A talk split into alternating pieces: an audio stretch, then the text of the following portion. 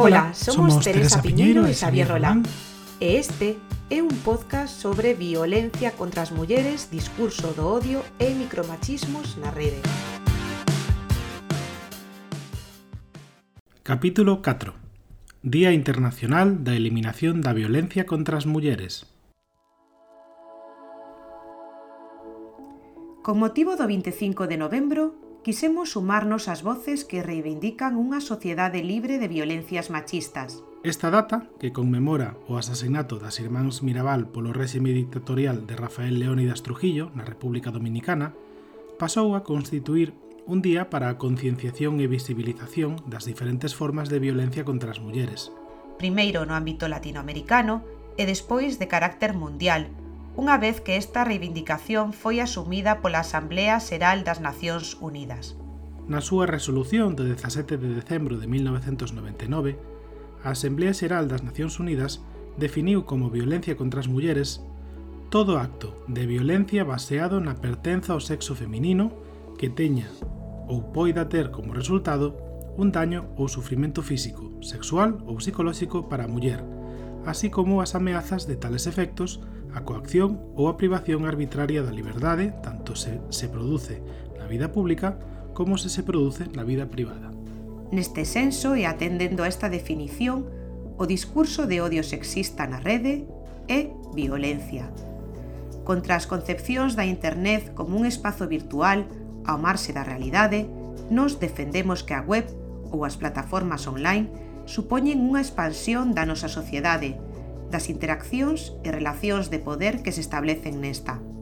Unhas relacións de desigualdade que incluso se magnifican por dous fenómenos interrelacionados, a exposición pública de algunhas redes sociais, como Twitter, e o suposto anonimato da rede, que ten un efecto de desinhibición en algunhas persoas.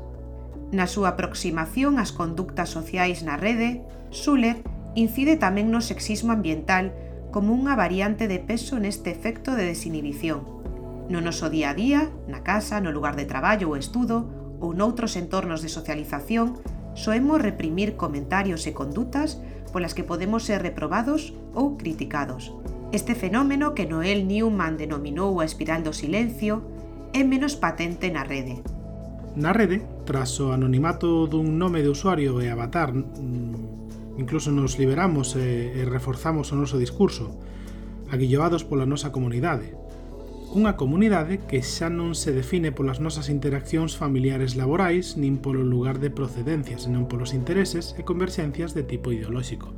Como nodos dunha rede nos vemos amparadas por esta. Este efecto manada dá soporte e potencia actitudes sexistas que antes pertencían ao noso ámbito máis privado. Pensamentos ou crenzas de carácter misóxino, agochados por ser políticamente incorrectos, pasan a ser públicos e enriquecen o discurso do odio contra as mulleres na internet. Unha mostra.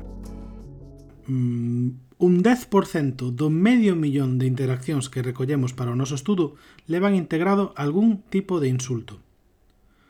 Un de cada 10 tweets que dan resposta ou se refiren a mulleres senlleiras en Twitter usa termos ofensivos, Os máis frecuentes son fascista, asasina, criminal, ruin, miserable, nazi, pero tamén temos insultos claramente sexistas como falsa, mentirosa, indigna e un que está moi de moda últimamente como feminazi. Esta porcentaxe é lixeiramente superior no caso das respostas directas, é dicir, hai unha clara intención de que a muller insultada teña coñecemento da ofensa pero tamén de facer partícipe a comunidade desta aldraxe. Podedes imaginar algo así no ámbito offline? Podedes imaginar que unha de cada dez persoas coas que estas mulleres teñen contacto no seu ámbito de actividade as insultase a cara? Sen dúbida, o carácter público destas mulleres referentes a sitúa no foco da atención, das conversas, mas os insultos quedarían sempre limitados ao ámbito privado. Os motivos deste escarnecemento son diversos, mas constatamos que eran máis virulentos entre as mulleres que artellan o día a día da nosa sociedade. Políticas e xornalistas teñen máis papeletas de ser vilipendiadas e atacadas en Twitter. E a iso hai que sumar a cantidade de comentarios que están agochados de unha ironía ou un sexismo benevolente e que son igualmente perniciosos.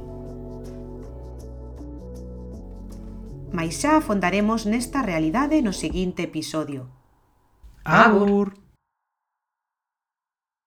Este é un proxecto financiado pola Cátedra de Feminismos 4.0 da Deputación de Pontevedra e Universidade de Vigo.